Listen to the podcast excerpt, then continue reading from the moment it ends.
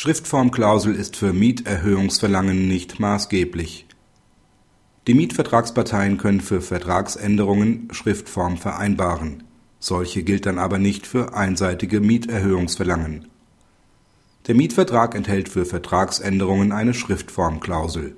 Darauf beruft sich der Mieter, als der Vermieter eine Zustimmung zur Mieterhöhung in bloßer Textform verlangt. Das lässt der BGH nicht gelten denn die Schriftformklausel erfasst das Mieterhöhungsverlangen nicht, weil es sich dabei nicht um eine Vertragsänderung bzw. Ergänzung handelt. Eine solche kommt erst durch die Zustimmungserklärung des Mieters zustande. Praxishinweis Die formale Ansicht des BGH ist zutreffend. Zu Recht weist er darauf hin, dass die Parteien zur Einhaltung der vereinbarten Schriftform nach Eingang der Zustimmungserklärung wechselseitig eine entsprechende Abgabe der Erklärungen nach § 127 Absatz 2 Satz 2 und 126 BGB verlangen können